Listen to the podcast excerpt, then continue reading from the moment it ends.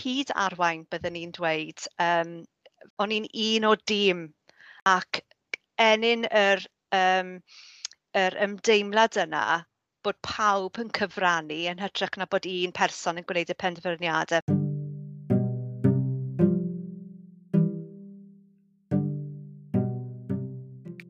Croeso i bodlediad arweinyddiaeth addysg gan Gyngor Gwynedd. Fi yw ni am Eleri a byddaf yn sgwrsio a dod i nabod rhai arweinwyr mwyaf profiadol a llyddiannus addysg yng Nghymru.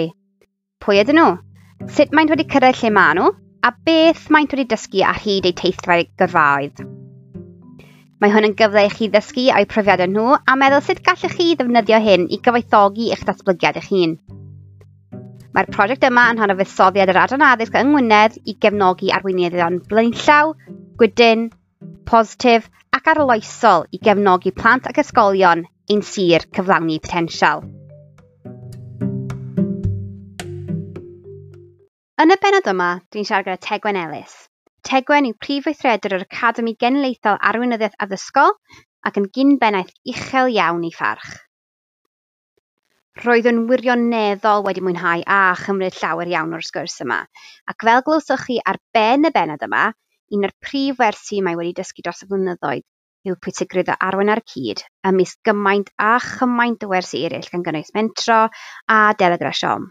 Nawr, roedd Tegwen wedi ymuno mi ar ddiwrnod oedd wedi cynnig llawer o heriau. Heriau yn ni'n gyd gallu cydymdeimlo hefo, sef colled o drydan a chysyllt y we.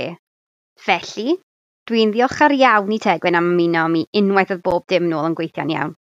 Dwi'n ffyddiog iawn a newch chi mwynhau'r sgwrs yma gymaint a wnes i. Mwynhewch!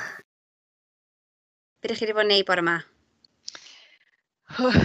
Wel, um, dechrau gyda diwrnod o waith arferol ac mae arferol erbyn hyn yn gweithio, uh, yn golygu gweithio o'r tŷ.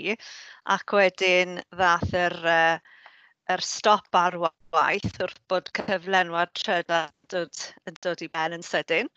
Um, Felly ie, troi i wneud pethau doeddwn i ddim wedi ystyried wneud, ond dal gwaith, ond heb dechnoleg. A mae hwnna yn, um, yn anarferol ac yn newid i y ffordd o feddwl hefyd pan chi'n cymryd technoleg, Um, wel, mae e'n rhywbeth 'y chi'n cymryd yn ganiataol, yndyw e, erbyn hyn bod chi'n gallu troi ato fe. Felly o'n i'n gorfod meddwl am, o, ysgrifennu yn hytrach na teipio.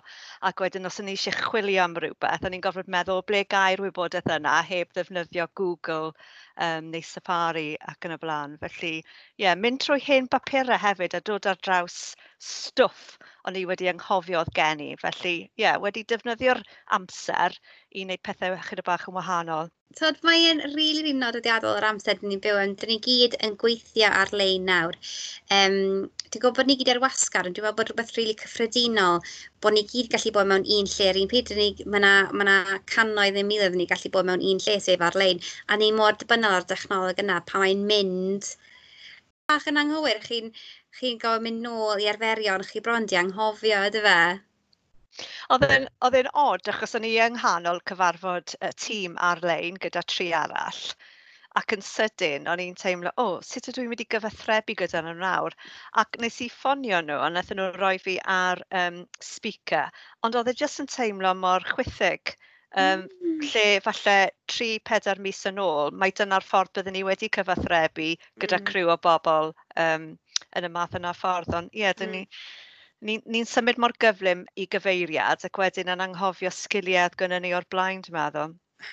Ie yeah, mae'n ma' bendant yn digwydd yn di. mae'n gweud mae'n cymryd uh, mis er cof cyrrol 'na y muscle memory 'na i gicio mewn so os chi wedi bod yn gwneud rhywbeth am just dros pedwar mis mae'r mae cof cyhyrol 'na wedi newid so ie yeah, so so so gred, mae'n rhywbeth definitely mae pawb probably yn gallu mynd "o oh, na mae hwnna wedi digwydd" a pawb gallu uniaethu gyda fe gymaint erbyn yeah. nawr. So i pobl sydd ddim yn nabo chi beth yw eich mm-hmm. enw llawn chi, pwy ydych chi, o le a beth yw eich swydd chi. Ie, yeah. um, Tegwen Ellis uh, yw enw i. Uh, Wy'n dod o'r Bari yn wreiddiol. Um, erbyn hyn wedi ymgartrefu mewn pentre bach o'r enw Corn Town, uh, jyst tu allan i'r Bontfain, a wedi bod yn byw yma ers 2003 falle. Um, Yy fy swydd bresennol yw Prif Weithredwr um, yy gyda'r Academi Genedlaethol ar gyfer Arweinyddiaeth Addysgol a cyn hynny o'n i'n bennaeth ar Ysgol Gymraeg, Ysgol Cynoedd Sant Maesteg um, am broni i ugain. Waw, so mae yna tipyn fyna o brofiad yn arwain yn y maes addysg a ardal maes teg, um, yr ardal ydych chi'n byw yn, um, pa fath o gymunedau sydd yna Wedyn, dwi'n gwybod oedd y gymuned yna'n dda iawn mm -hmm. yn mm-hmm. bersonol, ond i'r pobl sydd ddim yn, um, wedi bod yna, um, dde ddim yn nabod y gymuned, pa fath o gymuned sydd yna o ran um, ie, yeah, fath o bobl, siarad Cymraeg, um, socio-economaidd, sut mm-hmm. mae'n edrych yna? Ardal maesteg i hunan, tref yw maesteg, um, llai o faint na Pen y Bont, ond um, ymdeimlad o gymuned o ran um, byw mewn cwm, a Cwm llynfi yn yn nodweddiadol iawn o'r ardal. Y bobl sy'n byw yna um, yn bobl balch iawn, um, yn balch o'i um, greiddiau, Um, sdim lot o bobl yn symud allan o Faes Deg. Um, ma' 'na deuluoedd sydd wedi bod yna ers canrifoedd ac yym ma' ma'r ma ymdeimlad yno o deulu yn bwysig iawn. A pan hmm. o'n i'n bennaeth ar Gynnwyd Sant um, dyna un o'r pethau um, oedd, oedd pobl yn, yn nodi pan o'n nhw'n um, mentro i fewn i'r ysgol i ddweud mae'n ymdeimlad o deulu o fewn yr ysgol. A dyna, dyna un o'r pethau o'n i angen um, cadw fel pennaeth yn yr ysgol yn bod ni'n sicrhau bod bydd bynnag oedd yn digwydd yn y gymuned hefyd yn digwydd yn yr ysgol a bod yr ysgol wedyn yn dod yn rhan o'r gymuned ehangach. Mm. Dim cymaint o hynny um, o siaradwyr Cymraeg um, a beth byddech chi'n disgwyl Um, er yn yn dra- draddodiadol oedd, oedd y Gymraeg dyna beth oedd iaith y gymuned ond erbyn hyn um, mae yna lai. Um, un ysgol Gymraeg sydd a mae yna uh, saith ysgol Saesneg a mae hwnna'n dangos wedyn bod y cynnydd yn y Gymraeg ddim wedi um, ddim wedi bod yn, yn yr un ffordd um, a beth byddech chi wedi disgwyl. Ond mae addysg Gymraeg wedi bod yn y cwm ers dros 60 o flynyddoedd um, ac um, wedi tyfu um, sefydlodd yr ysgol gyda pimp o ddisgyblion um, ac uh, erbyn hyn mae byti tri chant. Felly mae'r iaith um, o fewn addysg wedi uh, tyfu, ond bydde fe'n deg i ddweud bod yr iaith o fewn y cymuned um, ddim wedi. A ma' ma' ma' hwnna yn um, yn digwydd dros Cymru gyfan, lle mae'r ma iaith... mm. ...yn hmm. dod yn fwy um, o ran addysg, um, rhywbeth addysgiadol yn hytrach na iaith um, uh, iaith chwarae a a a iaith hamdden. Ie. A ma' hwnna'n rili ddiddorol o ran, os chi'n edrych fel ardaloedd fel Gwynedd lle dyn ni'n gweithio, lle mewn rhai carfanoedd, mewn rhai ardaloedd, mae'r Gymraeg hwnna y blaenoriaeth um, o ran ystod iaith yna yw'r cyfrwng iaith y cartre um, y canon uchel o'r o'r o'r teuluoedd yn dod o um, cartrefi um, cyfrwng Cymraeg ond mewn carfannau eraill o Wynedd dyw hwnna ddim yn um, mor wir Um, Mae'r dewis o def- o defnyddio um, Cymraeg yn yr ysgol yn rhywbeth sy'n credu yn gallu bod yn gyffredinol ar draws Cymru be wnaeth arwain wedyn at chi eisiau dysgu o gwbl mm. um, a bod mewn rôl addysgol? be nath arwain i chi eisiau dysgu mewn cwm neu mewn cymuned lle dyw'r Gymraeg ddim yn ffynnu um, gymaint ag yw e mewn ardaloedd eraill? Be nath arwain at hynna?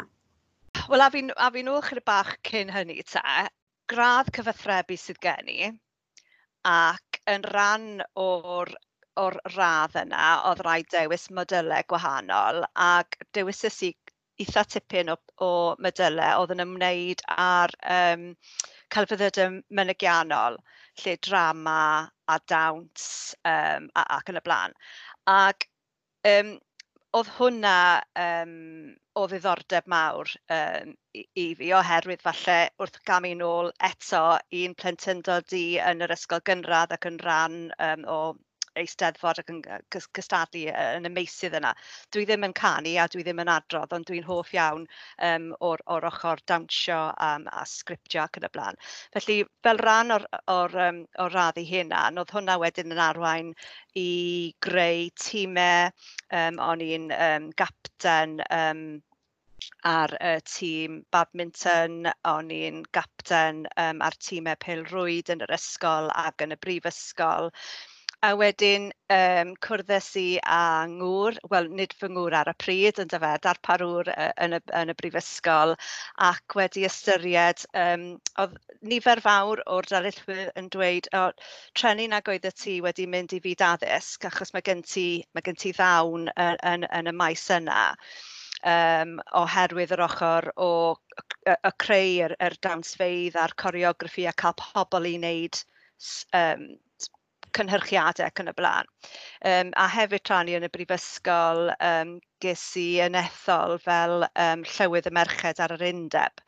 Felly, o'na gyfleoedd arwain yn, yn dechrau dod um, yn, yn rhan o'n mywyd i yn, yn, yn gynt, cyn, cyn symud i fyd addysg.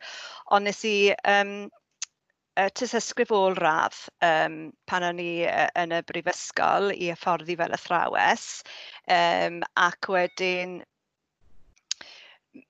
cynnig am swydd a llwyddo i gael y swydd cynta ac oedd y swydd yna nôl yn y de sef ysgol dolau yn Llanharan.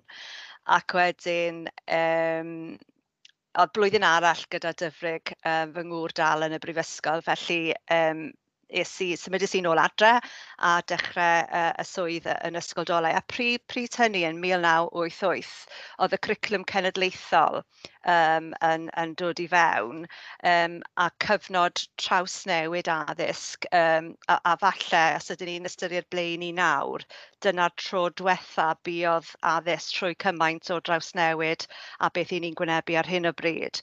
Um, a pan ddechreuais i yn ysgol dolau yn 1988, o'n 'na um, o'na o' 'na ofyn i athrawon i arwain ar bynciau gwahanol.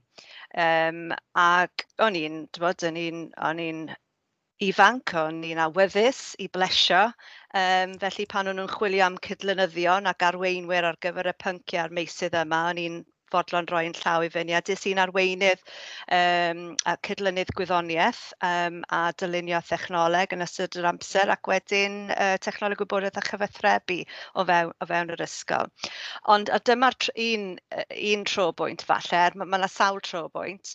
Um, o'n i'n, wi'n cofio eistedd yn y stafell athrawon Ac wrth gwrs, o'n i'n ifanc yn dod i fewn i'r ysgol, ond o' 'na staff yna oedd yn agos at ym- ym ymddeoliad hefyd, ac yn ddim um, yn gallu Um, ddim yn gallu derbyn y newidiadau um, y y tro bwynt yna ym myd addysg. Um, ac ac o'n i'n cael y teimlad yym oddi wrth pan o'n i'n gwrando yn nhw bo- bod bywyd dysgu ddim cweit fel o'n i wedi i gweld hi a bod e'n ddiflas a bod e'n feichus a bod yna atebolrwydd a bod na waith papur ac yn y blaen. Ac o'n i'n meddwl, wel, nid, nid dyma fel o'n i'n gweld um, addysgu. O'n i'n gweld yn fwy um, greadigol ac yn fwy o gyfle i fentro ac i cymryd, um, cymryd risg a, a dilyn y, y llwybr lle bynnag oedd y, y, y, y dysgu yn mynd.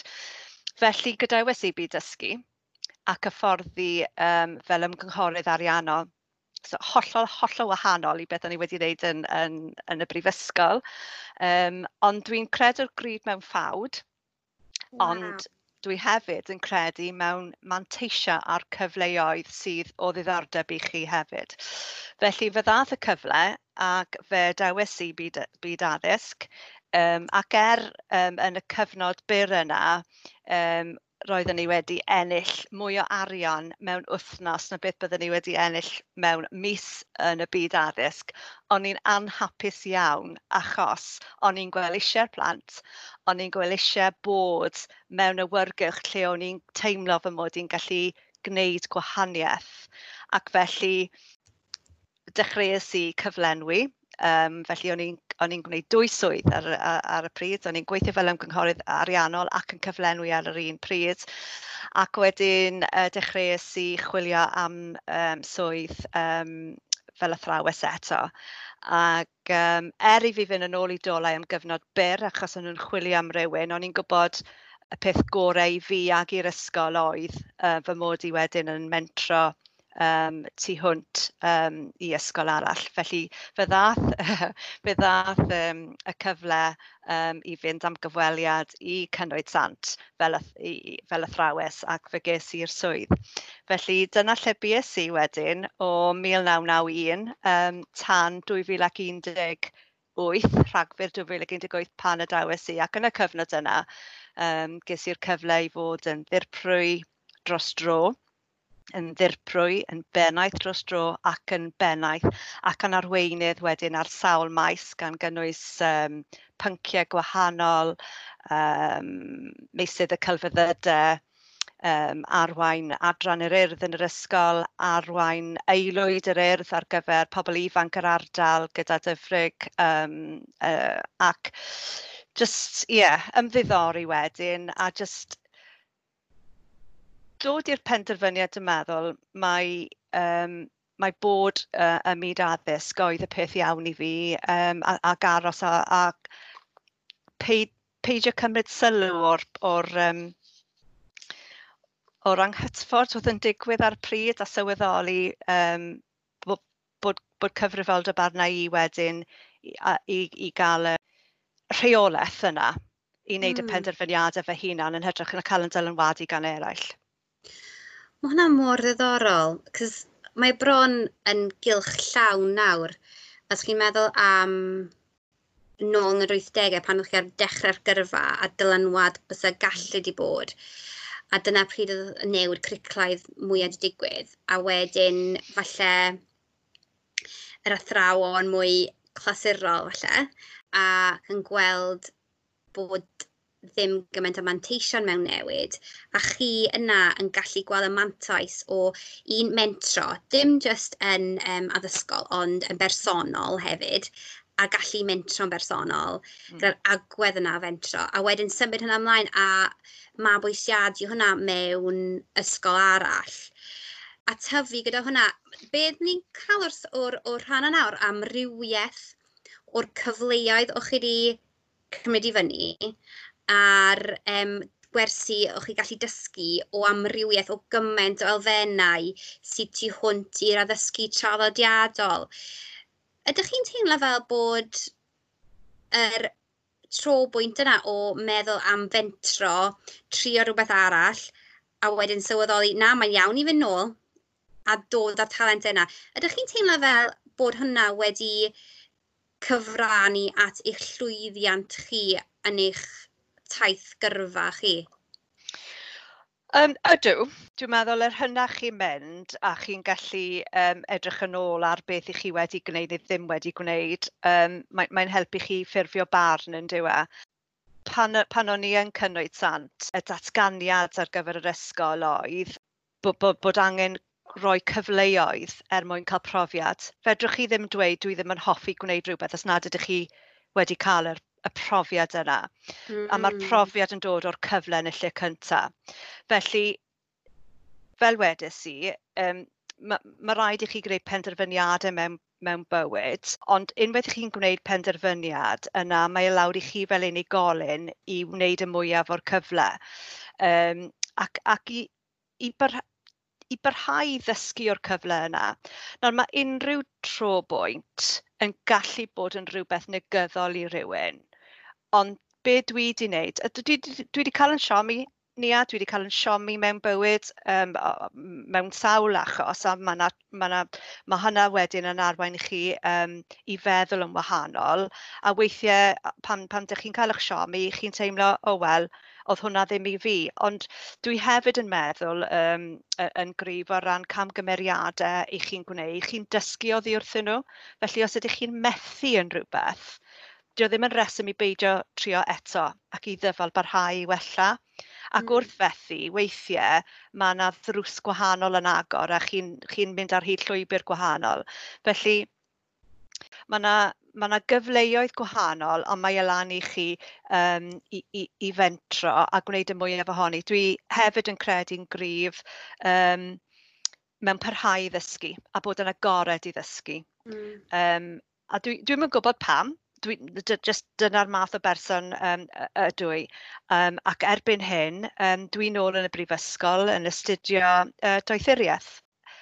Mae yna adegau, dwi'n meddwl yn eich bywyd lle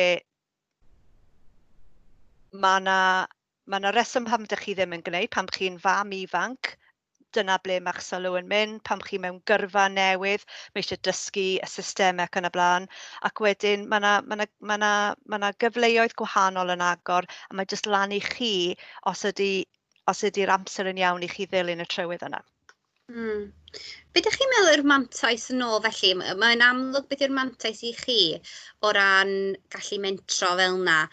Um, o ran eich datblygiad eich gyrfa chi, eich arbenigedd chi, eich sgiliau chi wrth datblygu fel arweinydd yn y gyrfa. Beth ydych chi'n meddwl oedd yr manteision felly at llwyddiant y plant yn yr ysgol, yr ysgol yn gyfan gwbl ac felly y gymuned yn ehangach wedyn os chi'n meddwl am yr gwaith chi'n gwneud gyda'r urdd a bob dim. Fi'n fi gwybod nath chi cymryd rhan blaenllaw mewn dod ar urdd i ardal Pen y Bont yr Ogwr.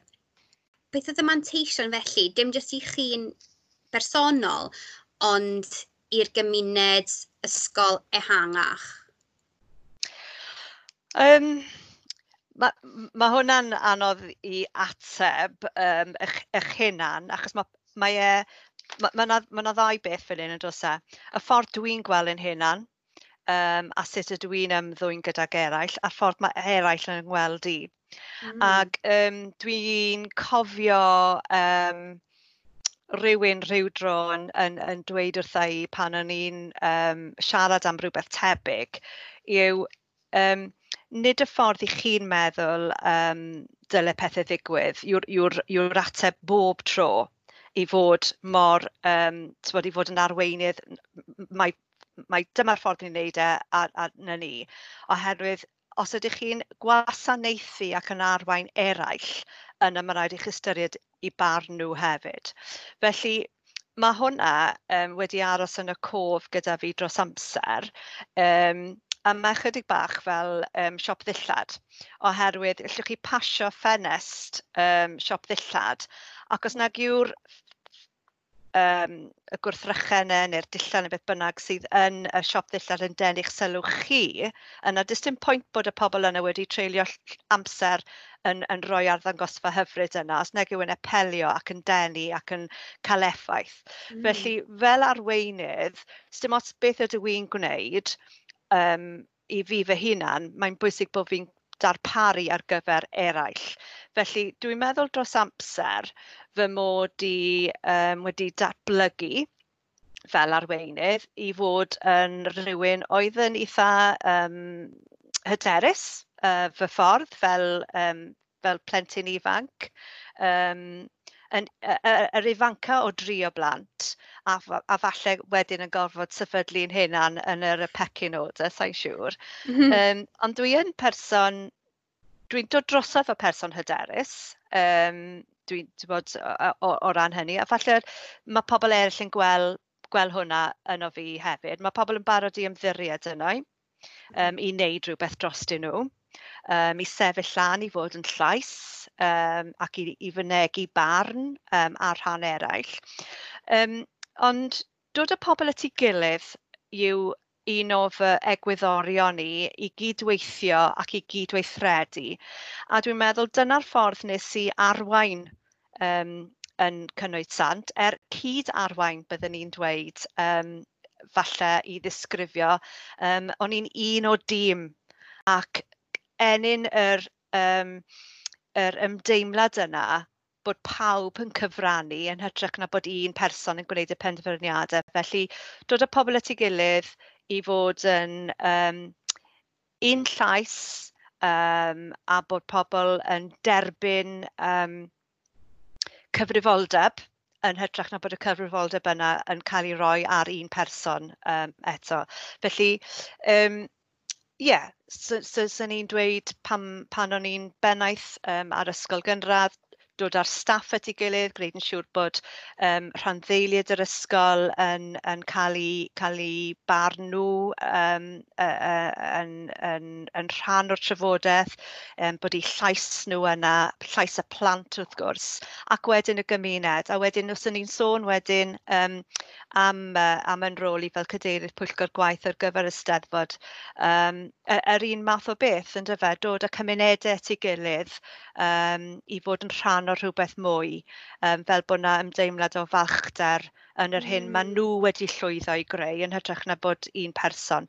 Dwi, dwi, pan, pan mae pobl yn sôn am arweinyddiaeth, dwi ddim yn gweld yn hyn na'n um, fel arweinydd ar, ond dwi'n gweld yn hynna'n yn, yn rhan o arweinyddiaeth um, yr sefydliad um, ac um, boed yn ysgol neu uh, yr Academi um, Arweinyddiaeth, un person yn rhan o'r um, y darlun mawr.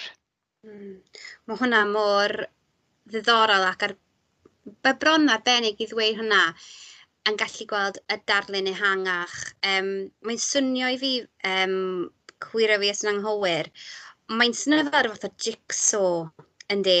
A mae bob darn yr un mor bwysig Mae yna un darn yn arwain mae yna un darn yn cynorthwyo mae yna un darn yn neud ochr busnes gweinyddol cwricwlaidd a mae'n edrych i mi yn 'ym fel jigsaw lle mae'r un os mae un darn ar goll dwi e ddim yn darlun cyfan a un darn o'r jigsaw yw'r arweinyddiaeth i chi a dyna sut ydych chi'n dod ato fe fel chi'n os ydych chi ddim yn cael yr ymateb gan pobl eraill. diwch stel arwain chi, chi wedi datblygu, dwi e ddim yn dda beth, chi jyst yn ei pasio fe ydych. Os na unrhyw tro trwbwyntiau chi'n meddwl lle o na bethau, dych chi wedi gweud bod falle mae yna methiannau wedi bod wneud pethau sy'n heb bod mor ffafriol, beth ydych chi wedi dysgu o rheina, o trwbwyntiau yna sy'n falle ddim wedi bod mor llwyddiannus? Um, dwi'n eitha um, dwi, dwi, wel, erbyn hyn yndyfe, achos bod chi'n gallu edrych yn ôl ar y pryd, siom, um, delio gyda siom, a dwi'n meddwl bod, bod, bod fel, fel um, tywed, plentyn ifanc um, neu hyd yn oed oedolyn ifanc, bod ni wastad yn barod ar siom pam da ni uh, erioed wedi profi hynny. Um, ond wrth bod chi'n cael profiadau gwahanol, yna mae e'n helpu chi fod yn fwy um, realistig falle ynglyn â mm. rhai o'r penderfyniadau. Ond wrth edrych yn ôl, dwi'n meddwl bod unrhyw... Um, Mae yna ma, ma, ma, na, ma na lyfr arweinyddiaeth um, dwi'n darllen ar, ar hyn y bryd, Imperfect Leadership. A mm. mae hwnna jyst yn cadarnhau. Da, da, ni, da ni ddim yn berffaith. Mm. A hmm. dwi'n meddwl derbyn hynny yn eich hunan yw'r yw'r brif beth yn dyfa, bod chi ddim yn mynd i lwydd am hopeth. Ond cymryd cymryd yr gwersi a jyst meddwl, wel falle oedd hwnna ddim i fi.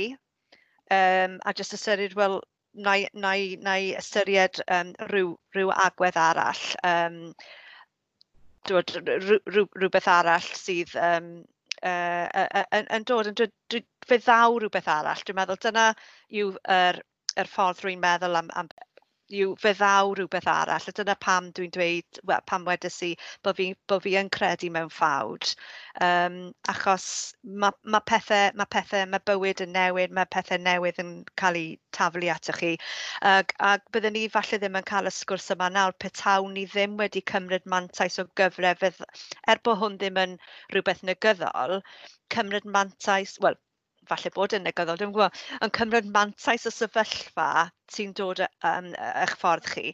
So pan, pan y dewis i cynnwyd sant, oedd hwnna'n gam enfawr i adael swydd parhaol fel pennaeth, lle o'n i wedi bod yn hapus iawn ar hyd fy ngyrfa mm. um, addysgu yn maes deg, i cymryd y cam yna i fynd i weithio um, mewn swydd oedd um, a, a, a, am ddeunaw mis yn unig. Felly cytundeb uh, um, am ddeunaw mis oedd hi. Oedd hi ddim hyd yn oed y cytundeb parhaol. Felly pam gwneud hynny? Pam gadael swydd ble chi'n hapus i wneud rhywbeth fel yna? A dwi'n meddwl, ges i'r cyfle ac o'n i'n meddwl os na gymerau'r cyfle hon, efallai gaf i ddim y cyfle eto. Ac o'n i'n hmm. teimlo bod gynnau gynnau fwy i wneud na bod yn, er, falle bod hwnna ddim yn swnio'n iawn, na bod yn bennaeth ar ysgol. Ond o'n i wedi cyrraedd y pwynt lle o, o'n i'n teimlo gall rhywun arall cael y cyfle nawr i fod yn bennaeth ar yr ysgol hon a bod bo fi nawr yn gallu mynd a beth o'n i wedi dysgu a rhannu gyda, gyda rhywun arall. Achos erbyn hyn o'n i'n uh, gweithio um, gyda Llywodraeth Cymru, o'n i'n um, gweithio gyda yr awdurdodau, yr awdurdod lleol ym, ym Mhen y Bont ac o'n i yn um, gweithio gyda'r rhanbarth hefyd yn um, arwain um, ar nifer o prosiectau gyda nhw. Felly mae'n mae, mae anodd jyst ateb um, mewn mewn brawddeg, mm. achos mae'n mae mae, fwy na hynny, mae wedi ma' ffordd dwi'n meddwl erbyn hyn, oherwydd y falle bod fi wedi cael yr sefydlogrwydd yna o fod mewn un ysgol cyhyd i roi'r hyder i fi wedyn i i wneud y pethau gwahanol tra o'n i yna, hwnna falle wedi roi'r yr hyder i fi wedyn i fentro um, i drio rhywbeth arall, achos o'n i'n teimlo, ie, mae gynnau'r sgiliau i wneud hyn nawr, gallai wneud hwn. Um, mae pobl eraill yn ymddiried yna i, um, i, i, i wneud, ac um, jyst i, i, i, gymryd, i gymryd y cam yna. Um, Ond mae'n lle'ch galliadau gwerth, ydy fe? Oedd, oedd eich cyfnod chi yn cynnig sant yn un hir a gwerthfawr iawn i'r sefydliad yr ysgol a'r gymuned yn ehangach a hyd yn oed yn, yn y sir oedd na, chi wedi gallu adio gwerth yna fel rhan o'r jigsaw yma. A y ffaith bod chi wedi gallu camu nôl a gweld lle arall bysych chi gallu adio gwerth, nid jyst elyniad yr ysgol a dyfodol yr ysgol. So oedd e'n werthfawr i chi gamu nôl i'r ysgol, oherwydd oedd na waid newydd, fel chi wedi dweud, ond lle eich gallu adio gwerth wedyn yn ehangach yn genedlaethol o'r gwersi chi dysgu o'ch rolau gwahanol mewn tîmau gwahanol, ydy fe? Ie, yeah, na'n union. Um, be be be be o'n i'n ffindio oedd um, o'n i'n cael galwadau ffôn um, gan benaethiaid uh, e, eraill ac o'n nhw'n dweud "o um, ydyn ni'n gallu dod i weld uh, beth wyt ti'n gwneud?" Um, ac wedyn wrth gwrs os oedd yr ysgol wedi cael um, arolygiad um, ac oedd oedd hwnna'n cael ei gyhoeddi Oedd pobl wedyn yn gallu pigo lan falle ar elfennau a'n dweud "o, dyn ni ddim yn dda iawn ar hwn, ond dyn ni gallu gweld o'r aroly- arolygiad diwetha" neu mae'r sir wedi wedi dweud..." bod bo' chi'n um, dda iawn am wneud hwn, ydw i'n gallu dod i weld? Felly o'n i wastad um, yn yn agor y drws i rhywun oedd eisiau dod i weld beth oedd yn digwydd yn Cynnoedd Sant, ond o'n i hefyd yn barod iawn i ddweud dyma'n ffordd ni o weithio, mae e'n gweithio i ni yn y gymuned i ni'n byw ynddi, ond cymerwch beth i chi'n gallu a falle newid rhywbeth beth bynnag allwch chi gymryd e os mae e'n gweithio 'yn ni'n hapus i rannu. A fe fe dyfodd hwnna dwi'n meddwl dros amser lle um, ar lefel genedlaethol wedyn um, fe ddath yr ysgol yn yn ysgol arloesol um, ar gyfer um, dysgu proffesiynol ac ar ac ar gyfer y cwricwlwm hefyd ac um, be maen nhw'n dweud yn Saesneg yndyfe, success breeds success. Ac um, o hynny wedyn, um, fe, fe, fe dyfodd nid, nid dim ond um, y, y gwaith o'n i wedi uh, fedru creu yn yr ysgol, ond yr hyn oedd yn digwydd ar lawr yr ysgol gyda'r athrawon. Felly, i ni'n sôn am um, arweinyddiaeth um, addysgu o fewn y sefydliad hefyd. Mm. A beth o'n i'n benderfynol o'n wneud oedd rhannu'r arfer dda yna ar bob lefel tu hwnt i, um, i waliau'r ysgol. Um, ac o'n i moyn bod um, ysgolion, yn, yn bennaf ysgolion cyfrwng Cymraeg i elwa o'r profiadau um, o'n i'n gallu rhannu gyda nhw. Felly, um, o fewn y rhanbarth, um, uh, nes i sefydlu Federasiwn o ysgolion cyfrwng Cymraeg oedd yn dod â um, dros tri deg o ysgolion at ei gilydd um, er mwyn i ni gael rannu arfer dda a gweithio gyda'n gilydd um, ar um, prosiectau gwahanol meysydd er mwyn datblygu ymwybyddiaeth y proffesiwn ar y cyd a tyfu um, tyfu o ran dealltwriaeth Hmm.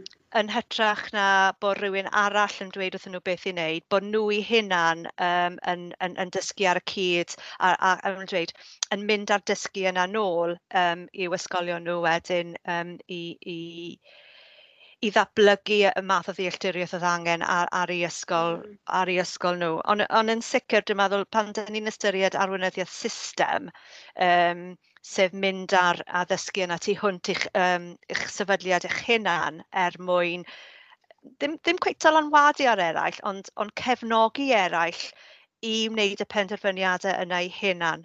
A dyna'r gwahaniaeth, um, dwi'n meddwl, um, yn y yn y ffordd dwi'n gweld arweinyddiaeth yw nid mynd a dweud wrth rhywun arall beth i'w wneud ond mynd yna a cael nhw i wneud y penderfyniadau i hyn. a mae'n mae dod yn ôl i cymhelliant yn diwa e? mm -hmm. um. Yn, yn y ffordd yn y ffordd yna o o o feddwl.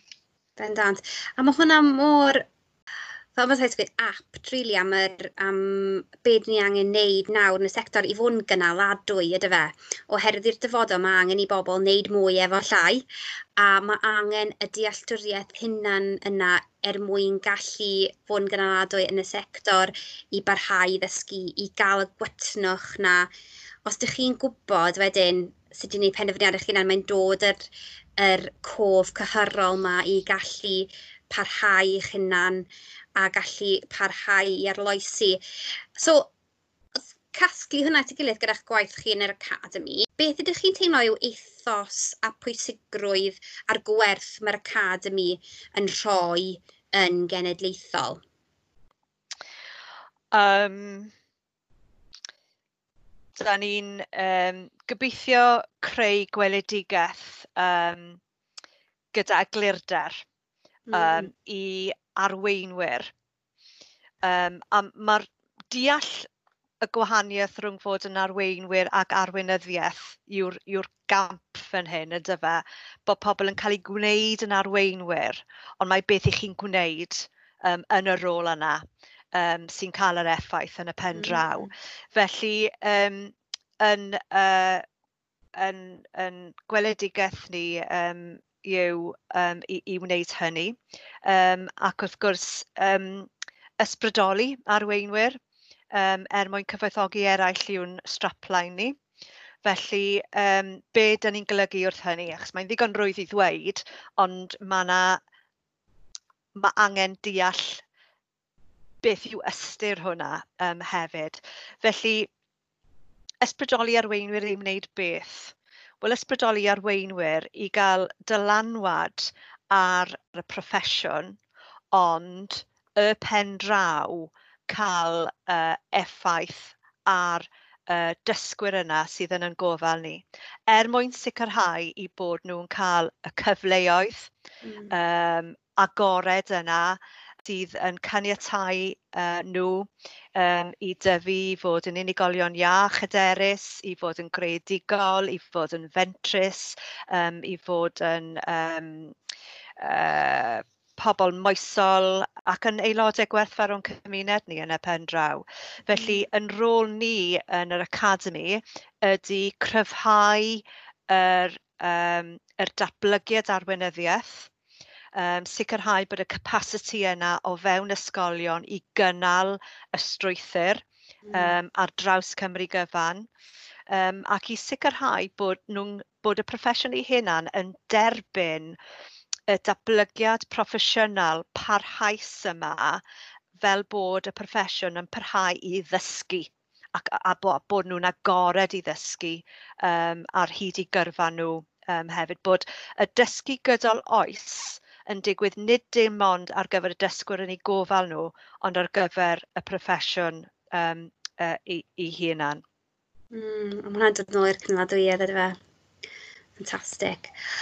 Diolch o galon am, am y glir o hwnna i gyd. Dwi'n meddwl, yr elfennau dwi wedi cymryd allan o'r sgwrs yma yn bendant yw'r pwysigrwydd o fentro, yr pwysigrwydd o dim jyst mentro mewn sgiliau addysgol, ond mentro mewn sgiliau gwahanol. Chi'n gweud bod chi'n mynd mewn i'r byd um, ariannol. Mae hwnna'n hollol, hollol wahanol. Ond o leia bod chi wedi gallu cael y cyfle i gael profiad o sector hollol wahanol a dod a dysgu nôl i hynna.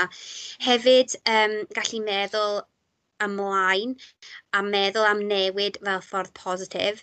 Dod y pobl hefo chi hefyd yr ochr cymunedol o arwain. Nid jyst chi sy'n arwain, ond bod chi'n dod y cymuned o arweinwyr i cael y jigsaw yna a bod chi yn gallu addasu i be mae pobl is, eisiau. So, uh, chi'n sôn am y siop ffenes yna, bod chi'n arweinydd yn gallu denu bobl eraill i gallu prynu mewn i beth bynnag dych chi yn trio, dim gwerthu, ond yn trio um, annog yn nhw. Um, yr ochr yna, dwi'n meddwl, yw be na i gymryd o'r sgwrs a fi'n gwybod bydd pobl eraill yn cymryd o'r sgwrs yma hefyd. Mae gyda gwestiynau gyda ni, dwi'n mynd i ofyn reit ar diwedd, so mae pobl jyst gallu dod i nabod chi tym bach mwy o ran chi y person, A fi'n credu mae pawb efo ateb i'r cwestiynau yma, a um, fyddwn ni wrth y modd cael gwybod tipyn bach mwy amdano chi fel y person. A dwi'n mynd i fynd i un o'n hoff, hoff bynciau fi yn y byd, sef bwyd. So, be fysych eich pryd olaf chi ar y ddeiar yma? Um, cynod i Sul, a oh, siŵr o fod y cig bydde um, cywiar neu ffowlin. Um, a'r reswm dros hynny yw um, fel plentyn cyn y Sul pawb rownd y ford yym ac 'da ni wedi parhau fel yy fel yy fel teulu, mae'n droddodiad, dim ots um, beth sy'n mynd ymlaen, 'da ni wastad yn cael cyn y dydd a a ma' ma' plant yn dod adre, mae'n fam i'n dod draw, felly amser teulu. Mae cyn y dydd yn atgoffa fi amser teulu, felly ie, yeah, hwnna bydde'r pryd olaf. Ffantastig. Beth yw eich hoff ffilm neu gyfres dyfe- deledu, neu y ddau? Ie, yeah, mae hwnna'n anodd. Bydd gennau gymaint, um, dwi'n dwi, dwlu ar sawl genre gwahanol. Um, dwi'n dwi eitha hoffi uh, Disney, ffilmiau Disney, achos um, dwi'n hoffi um, cerddoriaeth, um, tod o ran y musicals ac yn y blaen. Um, ond ffilmiau hanesyddol o ran, um, os oes stori, stori wir, timod, un, unrhyw mm. beth fel yna, lle dwi'n meddwl, o, oh, a mae hwn yn wir, ble mae'n mae teimlo'n anghredadwy, um, ond, ond ma' ma' 'na, ma' 'na, ma' 'na wirionedd yn, yn yr hyn i chi'n dall uh, yn, yn gwylio hefyd, so ie. Yeah. Yeah. Yeah, dim, so, dim un o'r- beth yn. Un o'r rheina nes i wylio'n ddiweddar oedd Chernobyl. O ie, Dwi'n gotio hwnna. Ie. O, yeah. hwnna'n wych oedd. Ie, ma' hwnna'n angredadwy bod hwnna digwydd. Yeah. A um, gyda Disney dwi ar hynna efo chi. Dwi'n ailwylio nhw gyd efo'n plant i, so yeah, yeah, definitely. Yeah. So, beth am llyfrau? ydych chi'n darllenwr? Um, ydw pan gai amser, mm -hmm. um, wedi symud falle o'r um, o ddarllen ffuglen. Dim ond yn darllen ffuglen nawr um, os oes gwyliau, um, ond llai o ffuglen oherwydd natur yn swyddi a hefyd y ffaith bod fi um, tair blynedd mewn i'r doethuriaeth. Felly um, darllen mwy o o o lyfrau sy'n ymwneud um, ag arweinyddiaeth. Ond sy'n ni yn argymell um, llyfr uh, o'r enw Legacy gan James Kerr sydd yn sôn am uh, yr All Blacks um, ac wedyn cyfuno um, y ffordd ma' timau chwaraeon um, uh, a'r gwersi pwerus 'y chi'n gallu cymryd o sut mae tîmau yn hyfforddi a trosglwyddo'r arweinyddiaeth yna mewn i byd um, byd addysg. Felly um, mae'n llyfr llyfr da i unrhyw un dwi'n meddwl i ddarllen os ys diddordeb gyda chi mewn chwaraeon neu mewn arweinyddiaeth, ond i fi mae'n plesio'r ddau. Os oeddech chi gallu cael pryd y fwyd neu ddiod neu mynd am dro efo unrhyw un, byw neu farw, pwy bysa'r person yma? Ie, yeah, mae hwnna'n cwestiwn rili anodd, achos mae gymaint o arweinwyr um, sydd wedi cael dylanwad um, mewn ffurfiau gwahanol ar, ar, ar hyd yr amser, a mae yna, ma bobl da iawn yn byw yn dod e. Um, ond dwi wedi mynd am un falle adnabyddus iawn sef Nelson Mandela, um, mm arweinydd heb i ail, um, wedi llwyddo i ddod â bobl at ei gilydd. Um, ac wedi newid y ffordd y pobl yn meddwl. Ac um, pan dwi'n meddwl am arweinydd system, dwi'n meddwl bod Nelson Mandela wedi llwyddo i ddangos sut i wneud hyn ar lefel um, rhyngwladol. Um, so, arbennig. Yeah. Ni wedi cael sgwrs really ffantastig a dwi'n meddwl bod yna gymaint, mae yna lot o bobl gallu cymryd i ffwrdd o'r gwersi ydych chi wedi dysgu eich hunan um, a magu y dealltwriaeth yna a defnyddio'r gwersi yna yn ei ffordd ei hunan. Os ych chi gyda cyngor neu unrhyw fath o eiriau doeth mm. i hmm. unrhyw un a dechrau gyrfaoedd nhw um, mewn addysg neu unrhyw fath o sector, neu yn dechrau ar daith arwain, be bysa'r cyngor yna? Right, okay. Mae rhaid chi credu yn eich hunan um, cyn bod pobl eraill yn gallu credu yn chi. Um, a mae hmm. hwnna yn, yn, yn rhywbeth mawr, um, dwi'n meddwl. Um, so ni jyst yn mynd yn ôl cyn bod fi wedi ymgeisio am y swydd fel prif weithredwr, um, ond ni ddim yn, yn credu yn yn hunan ar y lefel yna ac oedd rhaid i fi ofyn i bobl eraill um, beth o'n nhw'n meddwl os o'n i'n ddigon credadwy i fod yn brif weithredwr. Um, ac ges i sgwrs gyda, gyda rhywun oedd, oedd wedi dweud, wel, beth o ti'n gwneud fel pennaeth ar ysgol ta sy'n mor wahanol? Ac o'n i'n rili really yn credu yn yn hyn am pryd hynny, achos oedd gynnau'r profiad yn y maes yna. Felly, wedi trosglwyddo yr, y, y ffordd yna feddwl, um, ac unwaith o'n i wedi mynd, o oh, ie, yeah, um, dwi'n deall hynny, ac o'n i'n gallu credu yn 'yn hunan ac wedi gallu gweld 'yn hunan yn neud y rôl, o'n i'n iawn. Felly byddwn i'n awgrymu um, bod rhaid i chi credu credu yn eich hunan i gael yr um, yr self-belief yna. um ma' rai- ma' rhaid i chi fod yn hapus yn gwneud beth 'y chi'n gwneud hefyd. Um, mae ma' bod yn hapus, ma' ma'ch lles chi yn, yn rhan bwysig iawn o unrhyw benderfyniad. Peidiwch â rhoi eich hunan mewn sefyllfa lle ydych chi ddim yn hapus neu um, mae'n mae gwneud i chi deimlo um, yn ansicr. Felly, os ydych chi'n mentro, mentrwch yn ofalus um, hefyd o ran hynny. Mm. Ond hmm. mae mae symud i, i fod um, Cofiwch ma' mentro i fyd addysg, chi'n mentro i fod yn arweinydd, achos mae pob athro neu athrawes neu cynorthwydd yn arweinydd ar addysgu...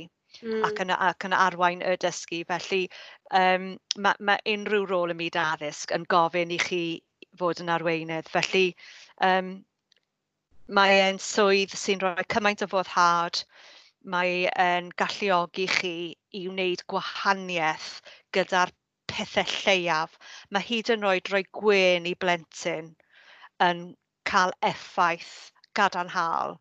Mm. A mae'r ma gallu a bod um, yn, y, yn, yr, yn, yr, yn, yr, yn y sefyllfa yna um, yn un sydd yn freintiedig i unrhyw un sy'n mentroi fyd addysg. Ah, mae hwnna'n wych.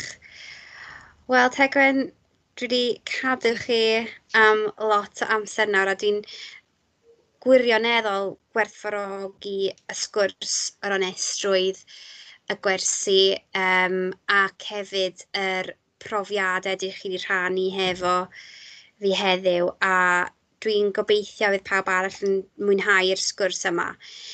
So diolch yn fawr iawn Tegwen. Croeso. O na, oedd hwnna'n sgwrs ffantastig, diolch yn fawr mwynhad i'r penwythnos hefyd. Diolch. A dyna ni, y benod gyntaf wedi gorffen. Dwi'n gobeithio eich bod yn cytuno bod taith gyrfa Tegwen yn gallu benthu gymaint o wersi da i gymaint o bobl wahanol, ac mae hi fel person wedi trosglwyddo llawer o egni positif a chadarnhaol i ni ddatblygu mhellach. Os hoffech mwy o wybodaeth am sut gall yr adran addysg eich cefnogi chi i ddatblygu ymhellach, Croeso i chi ymweld â'r Ganolfan Datblygu Arweinyddiaeth Addysg Rhithiol a'r hwb i ddarganfod mwy. Mae hyn yn cynnwys mynediad i sesiynau cymhelliant un i un i gael cyfle i adlywyrchu ar unrhyw agwedd o'ch gyrfa, perfformiad neu chrôl yn gyffredinol. Cofiwch ymuno â mi tro nesaf pan fyddaf yn sgwrsio gydag arweinydd arall a fydd yn rhoi eich safbwynt nhw a ddatblygu arweinyddiaeth addysg yma yng Ngwynedd a thu hwnt. Byw ni am a diolch am rando. Julio.